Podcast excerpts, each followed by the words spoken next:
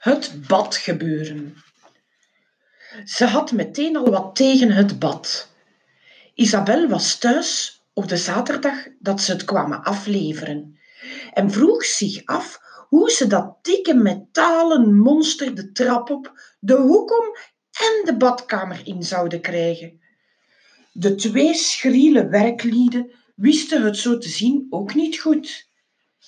Dertig minuten Vier geschaafde knokkels en honderd verwensingen later leek het bad hopeloos klem te zitten.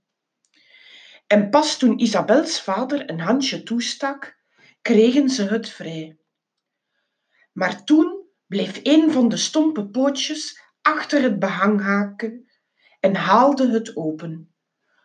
Wat weer ruzie tot gevolg had, waarbij haar vader en haar moeder elkaar in het bijzijn van de werklieden over en weer de schuld gaven. Zoals altijd.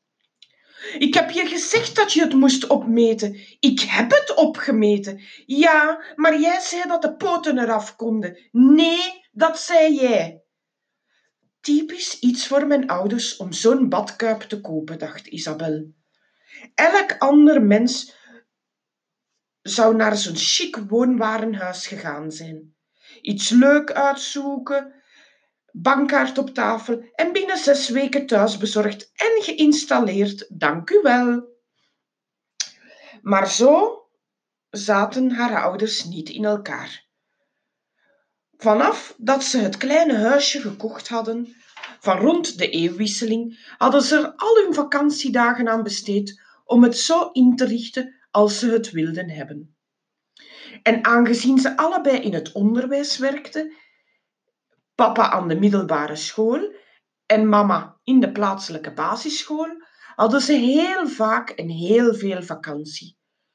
En dus was de eettafel afkomstig uit een antiekzaakje en kwamen de stoelen uit een boedelverkoop eh, van een klein stadje. De keukenkastjes waren gered van een vuilnisstort en het tweepersoonsbed was een gemangelde hoop oude roest geweest, toen ze het vonden in een schuur van een Franse boerderij.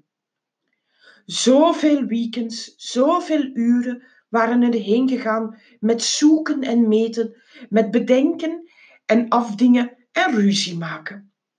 En dat was nog het ergste. Voor zowel voor zover Isabel het kon inschatten, beleefden haar ouders helemaal geen plezier aan al die antieke spullen.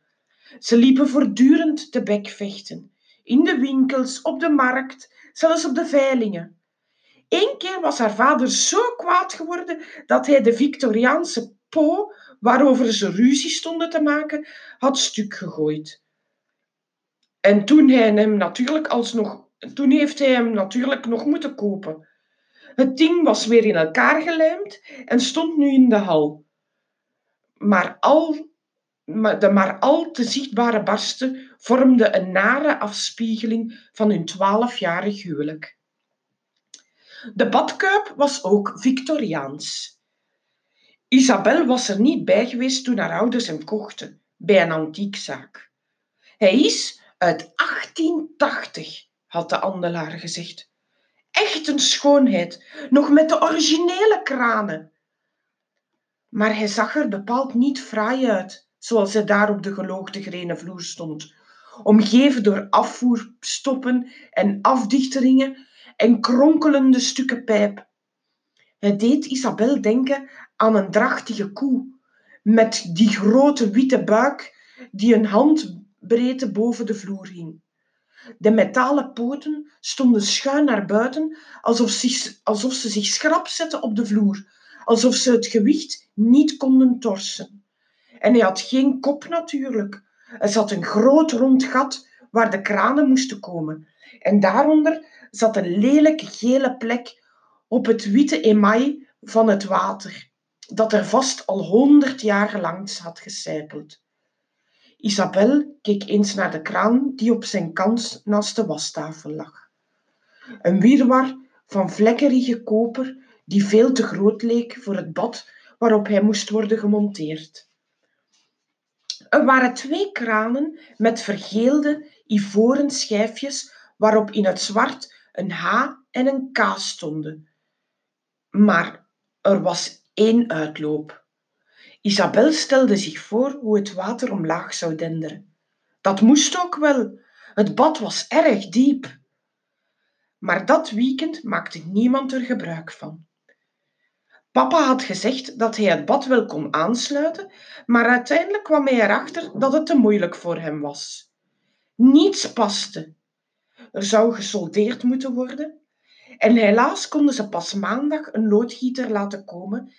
En natuurlijk zou dat nog eens 40 pond kosten.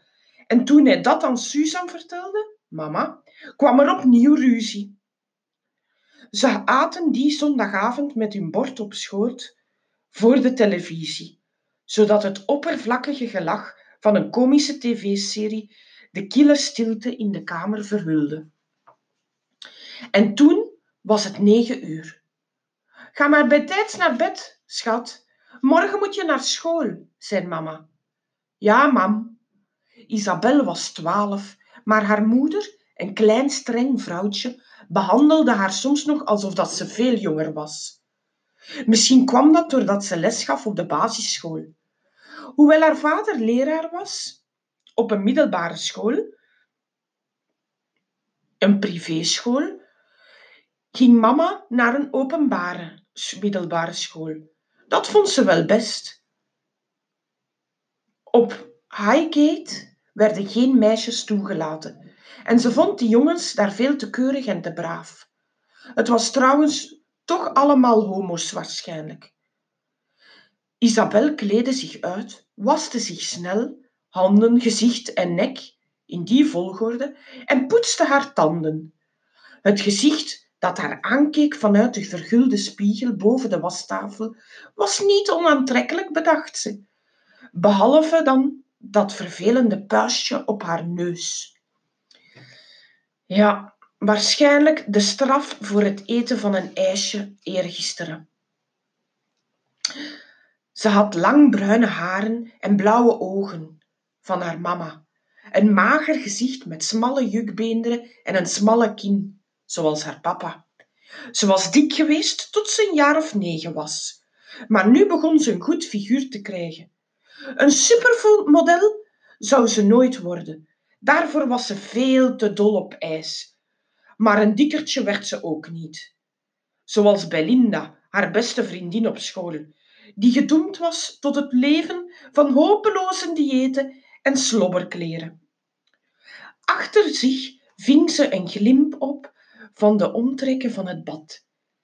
En opeens besefte ze dat ze, vanaf het moment dat ze de badkamer was binnengekomen, haar best had gedaan er niet naar te kijken. Waarom? Ze legde haar tandenborstel neer, draaide zich om en bekeek het ding. Ze mocht het niet. Ze had het met haar eerste indruk bij het rechte eind gehad. Het was zo log en lelijk, met dat toffe emaai en die druipvlek boven, boven het afvoerputje. Het leek wel, het was een stomme gedachte, maar nu eenmaal bij haar, uh, hij bij haar was opgekomen, kreeg ze hem niet meer weg. Het leek wel alsof het ding op haar had staan wachten. Ze moest een beetje glimlachen om haar eigen domme idee. En toen zag ze nog iets. Er stond een plasje water onder in het bad. Ze zag het licht erin weerkaatst worden toen ze haar hoofd bewoog. Het was heel duidelijk. Meteen keek Isabel naar boven, naar het plafond. Er moet ergens een lekkage zijn. Op het plafond was haar eerste gedachte. Hoe kon er anders water terecht zijn gekomen in een bad waarvan de kranen nog op hun kant naast de wastafel lagen? Maar er was geen lekkage. Isabel boog zich over de rand en streek met haar middenvinger over de bodem van het bad. Het water was warm. Hm, het zal er wel ingespat zijn, dacht ze, toen ik mijn gezicht waste. Ze knipte het licht uit en liep de badkamer uit naar haar kamer aan de andere kant van de overloop, naast die van haar ouders. Ergens wist ze wel dat het niet waar was dat er nooit water uit de wastafel tot in het bad had kunnen spatten. Maar het was niet van belang. Het was belachelijk gewoon. Ze kroop in bed en deed haar ogen dicht. Maar een uur later lag ze nog steeds met haar duim over haar middenvinger te wrijven. Het duurde heel lang voor ze in slaap viel. En vanavond in bad, zei haar papa toen ze de volgende dag thuis kwam van school. Hij was in een goede bui en stond breed te lachen terwijl hij ingrediënten voor het avondeten bij elkaar zocht. Waar is mama? vroeg Isabel. Boodschappen doen. Isabel kon opmaken dat hij op zijn teentjes getrapt was uit het feit dat hij zo kortaf antwoordde, uit de manier waarop hij haar zijn rug toekeerde en gesneden, gesneden uien in een pan met hete olie liet glijden. Hij wilde dat ze meeleefde met zijn enthousiasme. Hij wilde over het bad praten. De uien sisten nijdig. Jij hebt het dus aangesloten gekregen. Ja. Hij draaide zich naar haar om. Vijftig pond heeft het gekost. Zeg het maar niet tegen je moeder. De loodgieter is twee uur bezig geweest. Hij glimlachte en knipoogde een paar maal achter elkaar en Isabel moest denken aan iets wat de broer van een vriendinnetje, een jongen die op Highgate zat, haar eens had verteld. Haar vader was klein en mager, met een gezicht dat altijd somber leek te staan en, haar, en haren dat voortijdig grijs was geworden. Ze noemden hem op school de moppersmurf. Waarom waren jongens toch altijd zo gemeen? Ze pakte zijn arm en gaf hem een kneepje. Fantastisch, papa, zei ze. Ik ga lekker in bad na het eten. Wat maak je daar? Lasagne. Je mama is even wijn gaan kopen. Het was een plezierige avond. Isabel had een rol gekregen in het toneelstuk. Als mevrouw Montague in Romeo en Julia. Susan had een briefje van tien pond gevonden in de zak van een jasje dat ze in jaren niet gedragen had. En Jeremy was gevraagd om met een groepje schooljongens naar Parijs te gaan aan het einde van het schooljaar. Al dat goede nieuws oliede de machinerie van het gezin en alles liep voor de verandering eens soepel.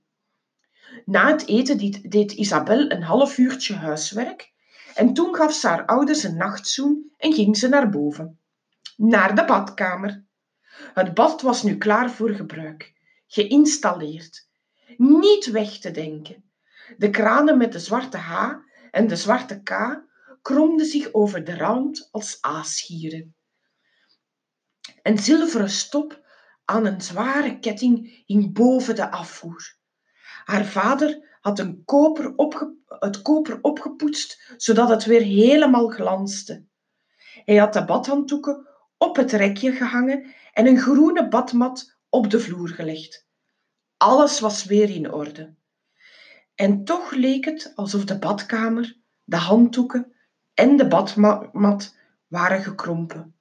Het bad was veel te groot. En het stond op haar te wachten. Ze kon die gedachte maar niet van zich afzetten. Ha, Isabel, doe niet zo stom, zei ze tegen zichzelf. Wat was het eerste wat je merkte als je gek werd? Dat je in jezelf begon te praten. En het tweede? Dat je jezelf antwoord gaf. Ah, Isabel slaakte een diepe zucht en liep naar het bad. Ze boog zich over de rand en drukte de stop in de afvoer. Beneden kon ze de tv aan horen staan. Er stond een van de lievelingsprogramma's van haar vader op. Ze stak haar hand uit en draaide de hete kraan open, waarbij het ding een beetje knerpte. Zonder te wachten draaide ze daarna de koude, koude kraan een halve slag open. Nu maar eens zien of de loodgieter zijn vijftig pond waard was geweest. Even gebeurde er helemaal niets. En toen begon er een heel eind onder de vloer iets te rommelen. Er klonk een gekletter in de waterleiding, dat steeds luider werd en steeds hoger klonk, maar er kwam nog steeds geen water. En toen kuchte de kraan. Het geluid dat klonk als de hoest van een oude vent, of misschien van een zware roker. Er kwam een luchtbel die even later knapte toen er een straal vloeistof tevoorschijn kwam. Isabel keek ontsteld in het bad. Wat de kraan ook had opgehoest, dit was geen water. Het was smerig rood, de kleur van roest. De kranen sputterden nog eens en braakte weer een portie van het dikke, stroperige goedje uit. Het sprong op van de bodem van het bad en spatte tegen de zijkanten.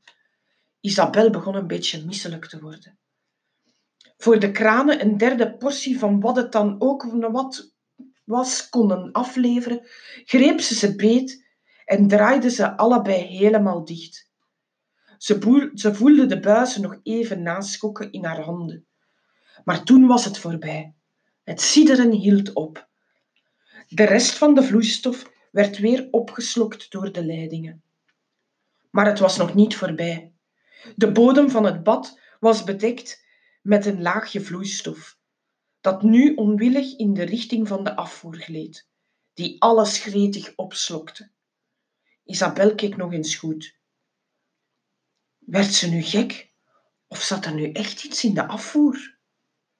Isabel was ervan overtuigd dat ze de stopper in had gedrukt, maar nu zat hij er maar half in, zodat ze in de afvoer kon kijken. En daar zat iets. Het leek een witte bal, die langzaam ronddraaide, zich samentrok, iets dat vochtig glinsterde, iets dat leefde. En het kwam omhoog. Het was op weg naar de oppervlakte.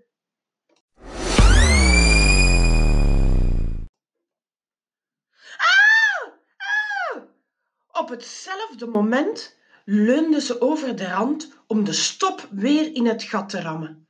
Haar hand kwam in aanraking met de rode vloeistof en ze deinsde terug toen ze die op haar huid voelde. Warm en kleverig. Dat deed voor haar de emmer overlopen.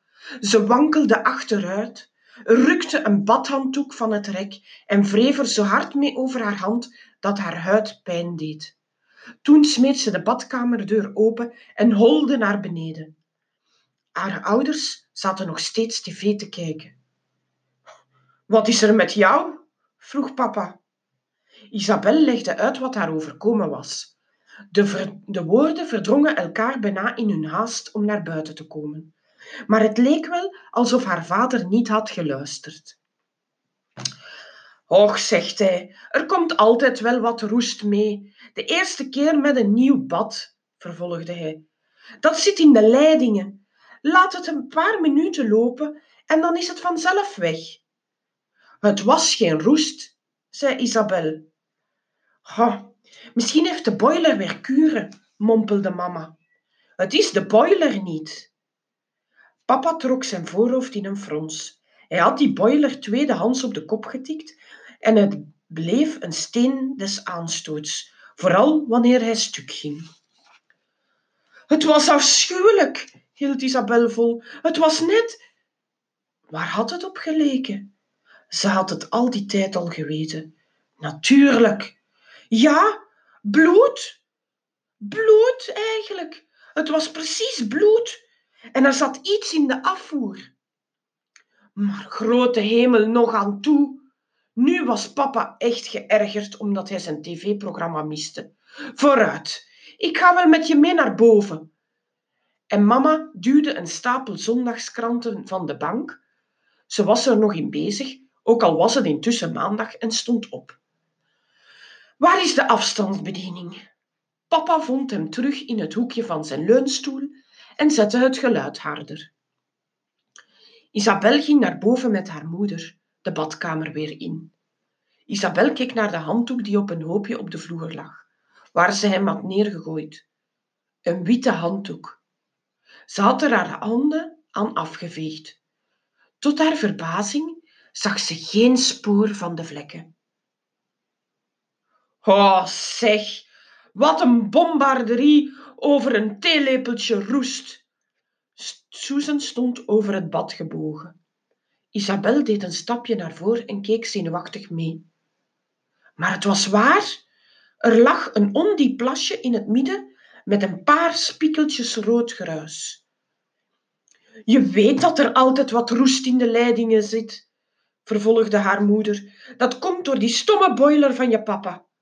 Ze trok de stop uit de afvoer en daar is ook niks te zien. Ten slotte draaide ze de kranen open. Heel gewoon schoon water spoot naar buiten in een geruststellende stroom. Geen gekletter, geen gerochel, niets. Zie je nou? Alles is weer in orde. Isabel bleef op een afstandje tegen de was wastafel geleund staan, diep ellendig. Haar mama zuchtte. Je hebt het gewoon verzonnen, niet waar? zei ze. Maar op een lieve manier, niet echt helemaal boos. Maar nee, mam. Ik vind het anders wel een beetje overdreven, hoor. Allemaal om niet in het bad te hoeven. Maar ik was niet... Ah, laat maar zitten. Poets je tanden en ga naar bed. Mama gaf haar een zoen. Wel te rusten, kind. Slaap lekker. Maar die nacht sliep Isabel helemaal niet. De avond daarop hoefde ze ook niet in bad. Papa was weg naar een vergadering op school en mama was bezig een nieuw tv-recept uit te proberen voor een dinertje, het weekend daarop. Ze stond de hele avond in de keuken. Op woensdag ging Isabel, al, Isabel alweer niet in bad. Dat was al drie dagen na elkaar en ze begon er zich steeds onplezieriger bij te voelen. Ze was graag schoon. Dat lag in haar aard. En hoe ze ook haar best deed met het washandje aan de wastafel, toch was het niet hetzelfde. En het, liep, het hielp ook al niet dat haar papa dinsdagochtend in bad was geweest. En haar, moens, en haar mama dinsdag en woensdagavond, waarbij ze geen van tweeën iets hadden gemerkt. Ze voelde zich er alleen maar schuldiger door en vuiler. Toen maakte iemand op donderdagavond een grappige opmerking op school. Iets over rotte eieren en met een hoogrode kop besloot Isabel dat het nu maar afgelopen moest zijn. Waar was ze bang voor trouwens? Een vleugje roest dat in haar verbeelding was opgeklopt tot, tot wat anders. Mama was die avond weg. Ze volgde een cursus Italiaans aan de avondschool, zodat Isabel samen met haar vader at. Krabkoekjes volgens het tv-recept dat niet zo goed was gelukt, want de koeken waren in de pan uit elkaar gevallen. Om negen uur gingen ze hun weegs. Hij naar het nieuws kijken en zij naar boven. Wel te rusten, paps. Wel te rusten, Is. Het was een fijne, gezellige avond geweest. En daar stond het bad op haar te wachten. Ja, het stond klaar om haar te ontvangen. Maar dit keer aarzelde de Isabel niet. Als ze nu maar zo praktisch en zakelijk mogelijk deed, zou er niets gebeuren, had ze besloten. Ze zou haar verbeelding gewoon niet de kans geven haar een rad voor de ogen te draaien. En dus duwde ze, zonder erbij na te denken, de stop in de afvoer. Ze draaide de kranen open en spoot er ook nog een scheutje avocado-badschuim van de bodyshop bij. Ze kleedde zich uit en haar kleren vormden een prima scherm waardoor dat ze niet kon zien hoe het water de kuip vulde. Pas toen ze helemaal bloot was, draaide ze zich om en keek ze naar het bad. En er was niets mis mee. Ze kon het licht avocado-groene water net ontwaren onder de dikke laag schuim. Ze stak haar hand uit om de temperatuur te voelen. Het was perfect. Warm genoeg zodat de damp al op de spiegel sloeg, maar niet zo heet dat ze zich zou verbranden. Ze draaide de kranen dicht. Die drupte luidruchtig na, terwijl Isabel zich herinnerde dat ze de deur nog op de knip moest doen. Ze liep erheen. En toch aarzelde ze. Opeens was ze zich heel erg bewust van het feit dat ze bloot was. Het was net alsof ze in een kamer vol mensen stond. Ze huiverde. Oh, doe niet zo belachelijk, zei ze bij zichzelf. Maar de vraag bleef in de lucht hangen, net als de damp van het warme water. Het was net een raadsel, een akelig raadsel dat helemaal niet grappig was. Wanneer voel je je het meest weerloos? Wanneer je in je blootje, op je rug, gevangen ligt in je bad. Ho, belachelijk! Dit keer zei ze het zelfs hardop. En met een snelle beweging, een besluit waarop niet terug te komen viel, stapte ze erin. Het bad had haar in de val laten lopen, maar toen ze daarachter kwam, was het al te laat. Het water was niet heet, het was zelfs niet warm. Ze had een ogenblik geleden nog gevoeld of de temperatuur goed was. Ze had de damp zien opkringelen, maar het water was kouder dan Isabel ooit had meegemaakt. Het was alsof ze door ijs van een vijver zakte, op een midwinterse dag. Terwijl ze hulpeloos omlaag zakte in het bad, het water over haar benen en haar buik voelde glijden en haar keel voelde omsluiten als een stalen klem, werd de adem uit haar lijf gedreven en was het alsof haar hart van de ene op de andere slag bleef stilstaan. De kou deed haar pijn, sneed in haar vlees. Isabel deed haar mond open en schreeuwde zo hard als ze kon. Er kwam niet veel meer uit dan een verstikt gejank.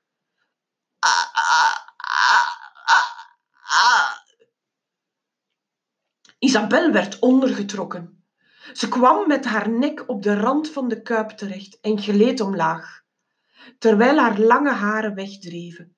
Het schuim gleed omhoog, over haar mond, over haar neus. Ze probeerde zich te bewegen, met haar armen en benen, maar haar armen en benen wilden niet meer gehoorzamen aan de signalen die ze erheen stuurde. Haar botten waren bevroren. Het leek heel donker te worden in de badkamer. Maar toen wist Isabel zich met een laatste krachtinspanning om te gooien, omhoog over de rand.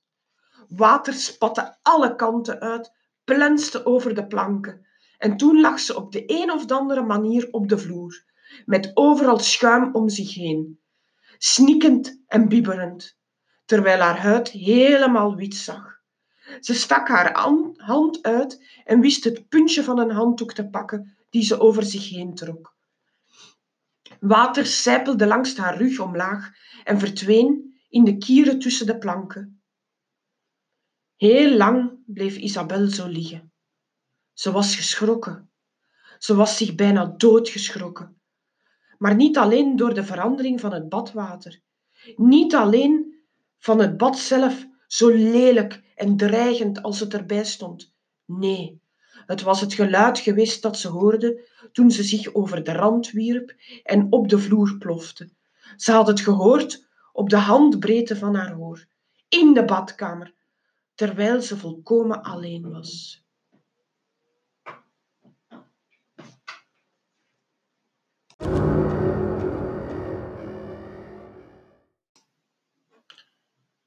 Ze had iemand horen lachen. Je gelooft me niet, hè? Isabel stond bij de bushalde met Belinda. Dikke Belinda, op wie je altijd kon rekenen, die er altijd was als je haar nodig had. Haar beste vriendin, er was een week voorbij gegaan en in die tijd was dat wat haar in de badkamer overgekomen was. Steeds zwaarder gaan wegen in haar binnenste. Maar al die tijd had Isabel het nog voor zich gehouden. Waarom? Omdat ze bang was te worden uitgelachen. Omdat ze bang was dat niemand haar zou geloven. Gewoon omdat ze bang was. Punt. Die hele week had ze niets uitgevoerd thuis niet en op school niet. Ze had twee keer een standje gehad in de klas. Haar kleren en haar haar zagen er niet uit. Ze had donkere kringen onder haar ogen door het gebrek aan slaap. Maar tenslotte kon ze het niet meer binnenhouden. Ze had het aan Belinda verteld. Het andere meisje haalde haar schouders op. Ik heb wel gehoord van spookhuizen, mompelde ze, en van spookkastelen. Ik heb zelfs gehoord van een spookauto, maar een spookpad? Het is echt gebeurd, precies zoals ik het verteld heb. Misschien denk je wel dat het gebeurd is. Als je iets maar hard genoeg denkt, kan het vaak. Het was geen verbeelding, viel Isabella in de rede. En toen kwam de bus. De twee meisjes stapten in en lieten hun abonnement aan de bestuurder zien. Toen gingen ze boven zitten, achterin. Ze zaten altijd op hetzelfde bankje, zonder dat ze eigenlijk wisten waarom. Maar je kan niet bij mij blijven komen, zei Belinda. Sorry hoor, Bella, maar mijn moeder begint al te vragen wat er aan de hand is. Ik weet het, Isabel zuchtte. Ze had het zo weten te organiseren dat ze drie avonden achter elkaar naar Belinda's huis was gegaan om daar te douchen, genietend van het klaterende hete water. Ze had tegen haar ouders gezegd dat zij en Belinda samen aan een project werkten. Maar Belinda had gelijk. Dat kon zo niet doorgaan. De bus kwam bij het kruispunt en ging rechtsaf, de straat weg op. Belinda fronste haar voorhoofd en kneep haar lippen samen, terwijl ze nadacht. Alle leraren zeiden dat Belinda zo knap was. Niet alleen omdat ze zo hard werkte, maar omdat ze er iedereen van liet meegenieten. Je zei toch dat het een oude badkuip was? vroeg ze. Ja. Weet je waar je ouders hem vandaan hebben? Isabel dacht na. Ja, uit een zaak in Fulham. Ze zijn er wel al eens eerder geweest. Waarom ga je daar niet, in, niet eens heen om te vragen waar dat ding vandaan komt? Allee ja, ik wil maar zeggen, als het er spookt, dan moet er toch een reden voor zijn. Er is altijd een reden voor. Waar of niet? Dus je bedoelt dat er dat er misschien iemand in dood is gegaan of zo. Oh, Isabel moest huiveren bij de gedachte. Ja, mijn oma kreeg een hartaanval toen ze in bad zat, al ging ze er niet meteen aan dood. Je hebt gelijk. En de bus ronkte nu de heuvel op. Muswell Hill lag voor hen. Isabel pakte haar spullen bij elkaar. Ik zou er zaterdag heen kunnen. Ga je dan mee? Oh nee, dat mag nooit van mijn ouders, zei Belinda. Maar dan zeg je toch dat je bij mij bent en ik zeg tegen mijn ouders dat ik bij jou ben. En als ze dat nu eens controleren? Dat doen ze nooit. Isabel werd er een beetje verdrietig van. Haar ouders vroegen zich nooit af waar ze was, leken zich nooit zorgen om haar te maken. Ze waren veel te veel met zichzelf bezig. Nu ja, ik weet het niet hoor. Toe nou, Belinda. Zaterdag. Ik bel je nog.